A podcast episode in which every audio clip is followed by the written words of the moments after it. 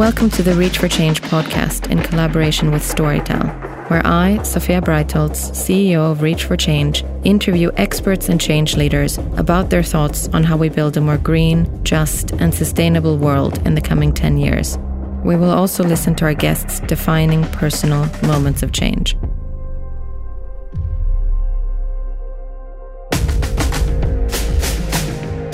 Per Heggenes is the CEO of the IKEA Foundation a philanthropic initiative which is funded by Ingka Foundation, owner of Ingka Group, who own most of the IKEA stores worldwide. As CEO, Per sets and drives the foundation's investment and innovation strategies, and is a tireless advocate for children living in some of the world's poorest communities.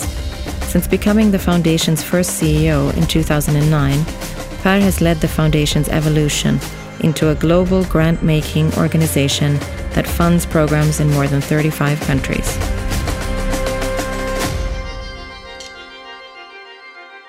So, hi, Per. Welcome to the Reach for Change podcast.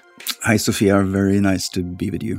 It's lovely to have you here. Even if we're not physically sitting in the same room, it's uh, nice that we can connect this way. Yeah, of course. I would have prefer to be out in the field with you, but uh, that's not really possible these days. Yeah, we would both prefer that, I think. Um, so, can you tell us a little bit about uh, who is Per Heggenes? Well, he is uh, he's a husband, a father, uh, and a business person. He was born in Norway, but he's worked uh, around the world for the last uh, 30 years. And spending most of my life in business before I was asked to come and start a philanthropic program at the IKEA Foundation. That's about 11 years ago. Feels like yesterday. Um, and I'm very lucky to uh, today run a strategic philanthropy organization that spends about 200 million euros every year to help people who live in vulnerable conditions. So that's me, and I've never looked back. uh, and talking about then, uh, then looking back, uh, we will look a little bit back now today because uh, uh, I'm really curious to hear more about your moment of change, if you have one or if you have several that kind of has have acted as a wake up call or as a catalyst for you, or when was the moment that you really realized you wanted to commit yourself to, you know, working with uh, solving the injustices and and the challenges that we have today do you have a personal moment or maybe several?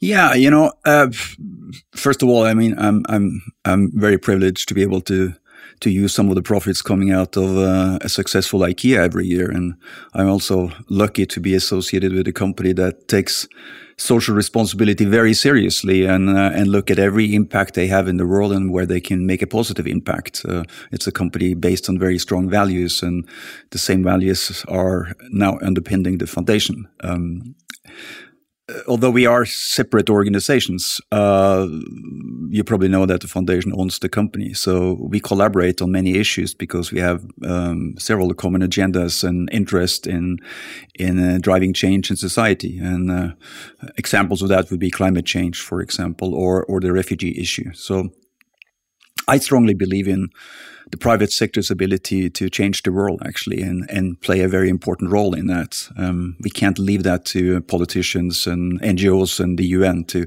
to tackle some of the world's most pressing problems. Uh, business has to play a very important role in this, and uh, that's where we work together on on a number of different issues. Um, you talked about the seminal moment, and uh, uh, I think when I first went to um, a refugee camp in Ethiopia, it's uh, almost 11 years ago, as this is long before refugees were on everyone's uh, lips, you know, uh, certainly everyone cared about this after the, the Syria um, war, but but this was before then, and I experienced actually visiting this camp what what famine can do to a people. So you saw hundreds of thousands of people fleeing from neighboring Somalia into the south of Ethiopia, partly due to co the conflicts in, in, in Ethiopia, but also due to the lack of food. And when I saw all the these many makeshift graves of small children who actually didn't survive the very strenuous journey to uh, in this sweltering heat, um, strenuous journey from from somewhere in Somalia to cross the border to Ethiopia. I thought this is just unacceptable. I mean, these people really deserve better. And let's find a way to help them to a better life. And I think that was the start of something for us as a foundation and part of the reason we have since then worked very uh, systematically to try to improve the lives of, of refugees, um, help themselves to a better life uh, through what we call self-reliance, uh, not making them dependent on aid, but um, turning uh, their lives, their strengths, and their skills into opportunities so they can build a new life for themselves. And we're talking about refugees in, in the large refugee hosting countries in sub-Saharan Africa or Middle East or Asia, not in Europe. Um, Europe doesn't have a refugee problem. Europe only has a political problem. The way I look at it. Um, I mean, you can, the recent fire in, in Moria refugee camp on Lesbos in Greece is a good example of, I think, Europe's total failure in providing solutions for refugees who have been forced to flee and live under inhuman conditions for years.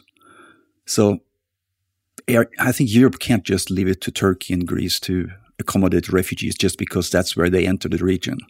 Uh, this has to be a European um, common strategy, and we need to see much more solidarity uh, solidarity, not in words, but actually in action. And uh, that's what I'm missing right now. Uh, talking about right now, we're also living through a very specific age uh, with with a global pandemic that's touched a lot of us. And what we see in in in um, the wake of COVID and and other types of pandemics is that those who are most vulnerable uh, become even more so. Uh, and I'm thinking specifically uh, around refugees and, and migrants, and you know, how can we make sure that we still have a spotlight on these issues uh, when there's so much else goes going on in the world? Uh, one of the things we can all do is to start to act by engaging in changing the narrative. You know, refugees never chose to become a refugee. They were just forced to be a refugee. They're, they're forcibly displaced people, most of them. Um, and all they want is a chance to start a new life in a country where they are not being persecuted or bombed every day. They're not benefit seekers or criminals or sex offenders. They're just people like you and me. And, and we need to remember that and, and try to influence the narrative that is very negative towards refugees today. Um, Another way you can engage if you uh, look at the situation that's happening as a result of COVID is to engage with something called share verified. That's, um, you know, in crisis, um, sharing trusted and verified information will help keep everyone safe, while misinformation uh, or, or, or, or alternative facts, as some people like to call it, uh, can put lives in danger, actually. So, together with the, United Nations and an organization called Purpose, we have uh, established something called Share Verified, which provides content that cuts through the noise to deliver life saving information and fact based advice, not alternative facts. So, everyone can engage on that platform log on, engage, and and use that platform to actually get the right facts and and get the stories from the best of humanity. So that's another way to to actually engage. Uh, right now, communities, as you know, are facing the dual challenge of climate change and COVID 19. And we really believe that this is the moment where uh, we have to acknowledge that life should not return to the way it was before the COVID hit. Um, instead, we should really ask ourselves how can we do things differently? How can we build back better so that we can create a better future for generations to come? That's a challenge. That should be the focus right now. So this is a public health crisis, of course, but it's also an economic crisis in the parts of the world where you and I work a lot, uh, more than a health crisis right now. And with all such crises, the, the response should be led by global bodies, uh, such as WHO and national governments. And philanthropy can, of course, play a critical role where there's this role can support the leadership and guidance of those with, with global health mandate and national responsibility for the health and, and well-being of citizens. So I think no more than ever we we are seeing that uh, unparalleled challenges require really unprecedented collaboration. We like to talk about unprecedented collaboration because that's what we're really talking about. That's what really is required. And we can't get through this pandemic just by working together in, in new and extraordinary ways. We, we have to do it uh, in, a, in a way that we haven't done before. So that's why we are calling on all other funders to actually support our partners' uh, life saving work in any way they can. Uh, I think that that's uh, uh, a, a, beautiful kind of call to action for the kind of collaboration that we need today. Unprecedented collaboration, something that hasn't been done before. Um, so, what what can we do to prevent COVID nineteen from being used as an excuse uh, to maintain a harmful migration policy around the world? Well, I think we can be smart about and prepare for uh, potential migration flows uh, that are due to COVID nineteen and the loss of income and, and livelihoods. Um, if markets cannot speed up quickly enough. You know, with a shrinking population across all Western world, we will need the migrants to fill the jobs in the future. Uh, so I don't necessarily see this as as a as a challenge for us. Uh, I see it as an opportunity. You know, we have an aging population that will require strengthening of a number of service institutions across all Western world. Um, and migrants come to our countries because they want to find a job. They want to make a living. They want to make a contribution and they want to feed their families. So if we handle this right, it can become a real win-win situation. People need to t- wake up to this reality because I think most people don't really understand that uh, dynamic, that um, dynamic that has to do with where people will live and and and and work in the years to come. And uh, where we actually will see a need for a much strengthened workforce. So, but on the other hand, um, population is growing exponentially in areas such as sub-Saharan Africa, right? So uh, we know that the population will double to two billion uh, only in the next 30 years. Africa has a very young population. So we, as a Western world, should invest in those communities to create jobs and build livelihoods. And uh, uh when you when you know that Africa puts about 12 million young people into the workforce every year, you you understand what the challenges are all about. And I do believe that entrepreneurship will play a very important role in in creating jobs in. Uh, in in that region. So um, the work done by organizations like like yours, Reach for Change, and make a huge difference. I, I thought I'd share a story of, of, of, uh, one of your people I met in um, in the outskirts of Addis Ababa in Ethiopia as somebody who really impressed me. Um, her name is Mudai. As a young woman, she grew up with with her single mother. And every day she walked to school, she watched these single mothers with children sitting in the streets begging. And she felt that was uh, something that really moved her. And uh, when she finished uh, secondary school, instead of going right into the university, she decided to do something for for these uh, young children. So she adopted seven children and and and wanted to put them into schools because, of course, all these children just lived in the streets and have no access to, to education at all. But because school was so expensive, she actually set up her own school instead. And today, her own school uh, educates 400 children. And uh, because that's expensive, she needed to find a way to pay for that. So then I developed uh, several different businesses to fund the school um, farming business, ditching business, food business, shops. It's a very impressive. I went to see some of, of her, her businesses and, and, and all the people working with her and for her. And she actually took the mothers off the streets and hired them to work in these businesses, the mothers of the children who now are going to school. And one of the things she did as part of the business development was to develop something called uh, an injera business. As you know, injera is the staple food in Ethiopia. That's what everyone eats every day. And uh, she set a goal for herself to actually uh, produce 250,000 injeras every day. That's the goal she has set. She delivers to schools, to institutions, and that enormous scale up that she's planning for is has made been made possible because of Reach for Change and the the help you have given her to actually scale her business uh, further. So, Mudai is actually on a path to create 4,000 jobs for for women in in Ethiopia or in Addis Ababa, and for me, that's an amazing story. What one person can do if you just give her the right opportunities and uh, and uh, take advantage of her her skills, her drive, her tenacity to actually. Um, changed lives for thousands of people. So I thought that was a great experience and, and a good example of how we can actually empower people to to make a huge difference uh, in a country like Ethiopia. Yeah, thank you, Per, for sharing that. Uh, that's actually one of my moments of change as well when I visited Mudai for the first time. So I'm really happy that you shared that story. Um, last year at the Global Refugee Forum, uh, there was a big commitment from you at the IKEA Foundation, as well as from the IKEA retail business and franchisor.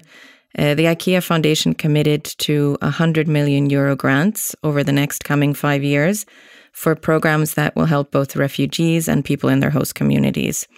Uh, and alongside that, the IKEA retail business also committed to supporting 2,500 refugees through job training and language skills. And you mentioned before the need for everybody to step up and take their role and collaborate and, and the role of philanthropy and, and business. Can you tell us a little bit more about the motivation for, for this initiative and what you hope to achieve from it? Absolutely. I think this is actually a good example of how we work together with the company where we can do certain things through the foundation and the company can do things that we can't do and together we we help solve a bigger problem so i mentioned our work for um, refugees which is really all focused on the 100 million commitment is all focused on um, livelihood development for refugees living in the large refugee hosting countries uh, in sub-Saharan Africa, Middle East, and and, and Asia. And that's the foundation focus. That, that's where you find most of the refugees in the world, not in the Western world. You find them in, in those countries. And they are usually hosted in, in low or middle income countries that really can't afford to do what we can afford to do if you want to. So that's our focus. Now, the company, on the other hand, has the opportunity to uh, provide work opportunities and training opportunities for refugees who have made it to Europe or North America. And the company commitment to uh, support refugees is linked to the fact that the company has uh, lots of stores uh, around the world. And they have a program where they provide uh, an internship opportunity for refugees who are in those countries already looking for an opportunity to start uh, a new life, a new career.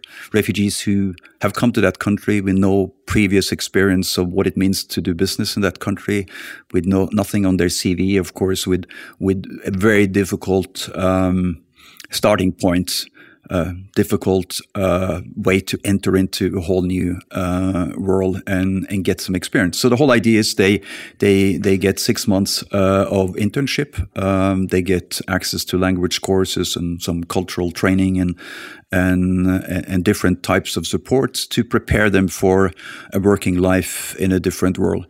And uh, after that, they can uh, apply for jobs at IKEA or apply for jobs in other uh, companies, but the real the real uh, idea here is that you give them a start in life and uh, you give them an opportunity to to uh, actually um, feed their their families and, and live a normal life because that's the only thing they want. They want to establish themselves in a new country and live a normal life like, like you and me.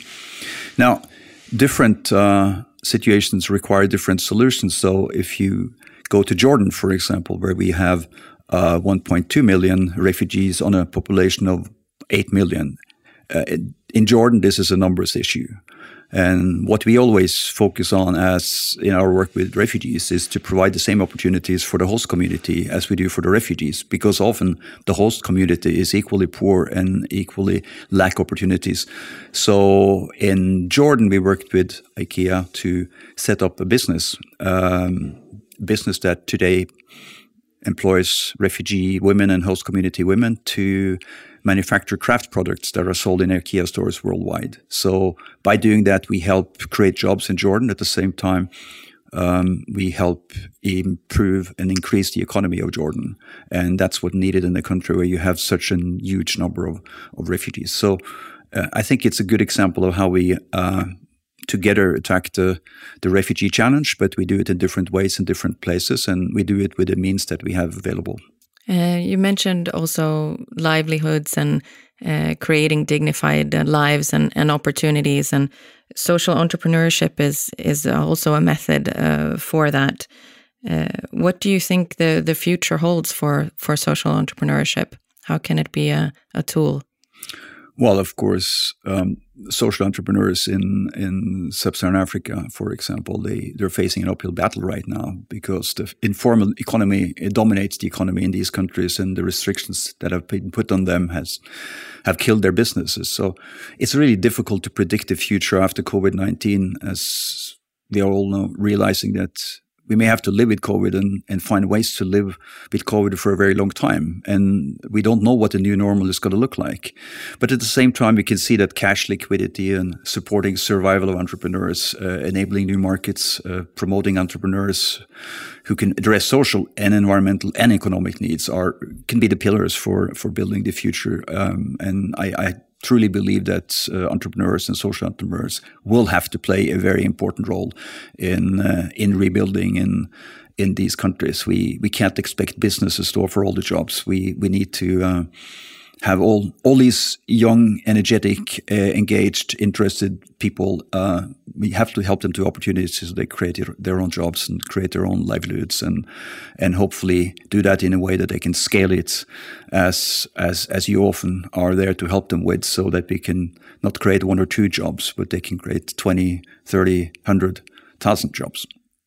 But I think as a, as a result of COVID, we're also seeing um, business and, and consumer behavior taking a step change in, in certain sectors that would offer discrete opportunities for green entrepreneurs. And I, I am really excited about the whole concept of green entrepreneurs and and and using entrepreneurship to drive um, uh, the change to circular economy, for example. Um, and I think we also might see greater push towards decentralized and, and lo local economic development and development of value chains uh, in a local way, and thereby creating opportunities for for for entrepreneurs. Um, and going going forward now, we have a so so we have a, a roadmap set out also for the coming 10, 10, years in Agenda 2030 and the United Nations uh, Sustainable Development Goals. Uh, but I'm thinking that there's a there's a lots of change, and as you mentioned, that there's there's lots of of you know compounded crises that we're facing. How can we accelerate the uh, reaching of these goals and uh, of uh, the accelerating uh, the work that we need to do now the coming ten years? How can we pick up the pace? Well, I think it's important to to admit that real let's call it pivotal change doesn't come from out of the blue. It it comes from months and years of persistent and collaborative effort. And there's some ways we can actually contribute to this. Uh, if I think about this down to each individual. We can, uh, we can, for example, stop acting like climate change is a political issue. It doesn't belong on the right side or left side. It's an issue that affects all of us, and we, we all have the same interest in uh, in reducing climate change and and uh, making sure that we have a planet to live on in uh, in the years to come. That our um, children and grandchildren will be able to stay on this planet. We all will we often talk about saving the planet, and that's not necessary because the planet will be fine. It's the question whether we can live on the planet or not. That's the that's the big question. Um, you can also be very much more aware of the companies you buy products from. You can ask the companies whether they have what we call science-based targets, which means have they ag- actually been through a process where they have looked at what is that we can do to maximize uh, the reduction in our carbon footprint. That requires a very um, strict and systematic approach. And some companies have signed up to this. It's another program that we have supported um, through the foundation. And this is what's going to drive the change. And as I said before, I think the companies, the private sector has a huge role to play in this. And we can't fix this without having a great engagement from the private sector in, in all different uh, parts of the private sector. Now, you can also ask your, your local political representative, your mayor, or whether he or she has a plan to, to actually reach the standards that WHO has set for air quality where you live. You know, air quality is, is something that everyone can feel on their body. You know, you can't see carbon. Uh, you can't see CO2, but you can actually feel the air quality. And air quality and carbon is usually connected, also, of course, with other very dangerous gases. Um, so you can you actually put pressure on on local um, politicians to to actually focus on this issue, and you can also ask your bank and your pension fund whether they factor climate risk into the loans or investments that they make. Um, and you can learn about all the steps we can take to to build back better. So, yes, I think there's a lot each individual can do uh, in addition to actually changing the way they live their own lives. So there's a, there's a lot that we all can do, Uh, but there's also a lot needed to incentivize more of these kind of unprecedented collaborations that you were talking about in terms of getting more people to partner up and more importantly, more sectors, investors and, and companies and philanthropic uh, uh, institutions and, and public bodies. How do we uh, provoke more collaboration now going forward? Yeah, so we talked about businesses, companies, the private sector. I think we can hold them to account. We can point out the enormous opportunity they have to drive change in society, not sit back and wait for the regulators to, to regulate, but say, okay, um, we know that circular economy is the future. Uh, we set targets for our own business and we lead by example. And I can see that the companies that are doing that, um, and I would include IKEA in, in, in that category, they become very interesting companies to work for and purchase from. So I think companies can play a big role. Um, and you know, the biggest challenges we have in the world today are global challenges. Uh, so a move towards nationalism, as, as we are seeing now, it's not going to help at all. It's just going to make it more difficult. So if we can work to demonstrate that uh, we're all in this together and we need to collaborate in new and more unprecedented ways to ensure a livable planet, then that will help take us in the right direction. And as you know, we have very little time left to avoid a climate disaster. Can you share with us uh, and our listeners uh, uh, some tips on some good books that you have read that uh, uh, we can all get inspired from? Well, the last book I read uh, during my short summer vacation was a book written by a good friend. Her name's Jacqueline Novogratz. She wrote a book called a Manifesto for a Moral Revolution. Um, as you know, Jacqueline is also engaged through her foundation Acumen in social entrepreneurship and entrepreneurship in general. And this book is really um, pointing to the fact that the new generation is is calling for a moral revolution. Uh, that we sort of need to move beyond slogans and focus on on building a better world.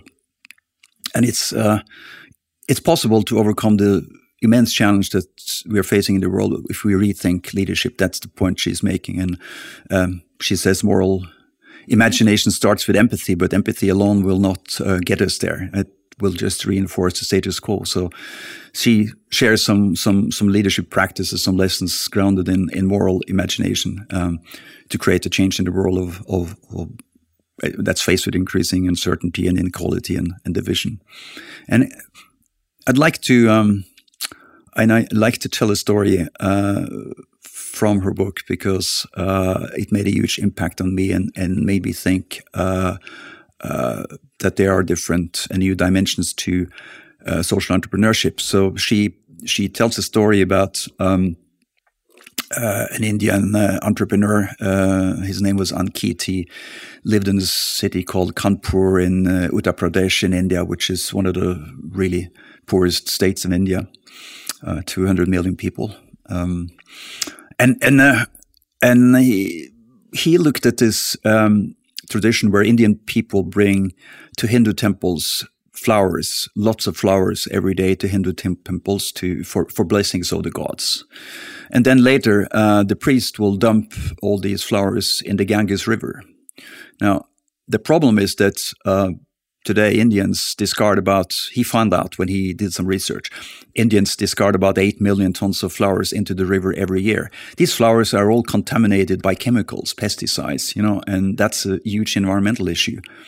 So uh, Ankit created, together with a partner, a company called Phool and uh, focused on the circular economy concept. So what he did was he started a system where he had people collect uh, these flowers from all the temples every day.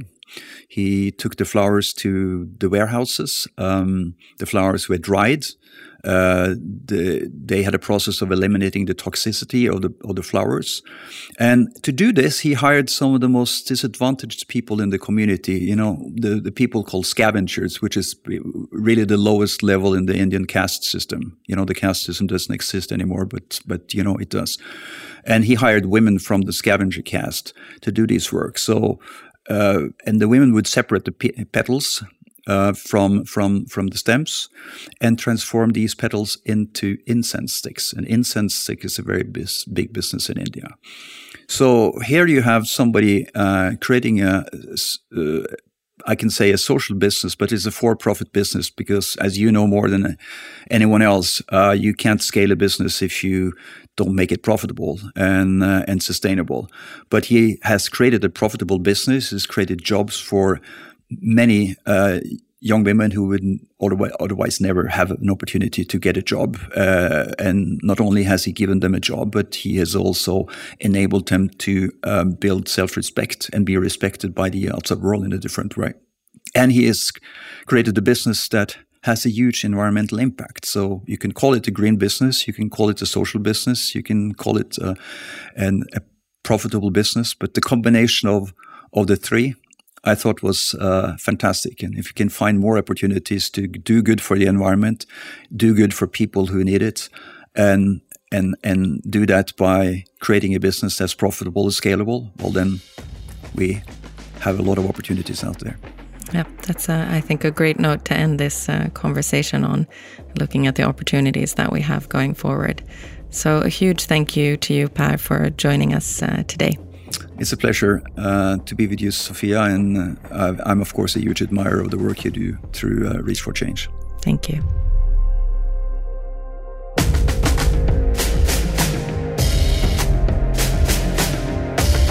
Thank you for listening to the Reach for Change podcast in collaboration with Storytel, where I, Sophia Breitholtz, speak to experts and change leaders about their thoughts on how we build a more green, just, and sustainable world in the coming 10 years. You can listen to all the episodes on Storytel, where you can also find our guests' book recommendations.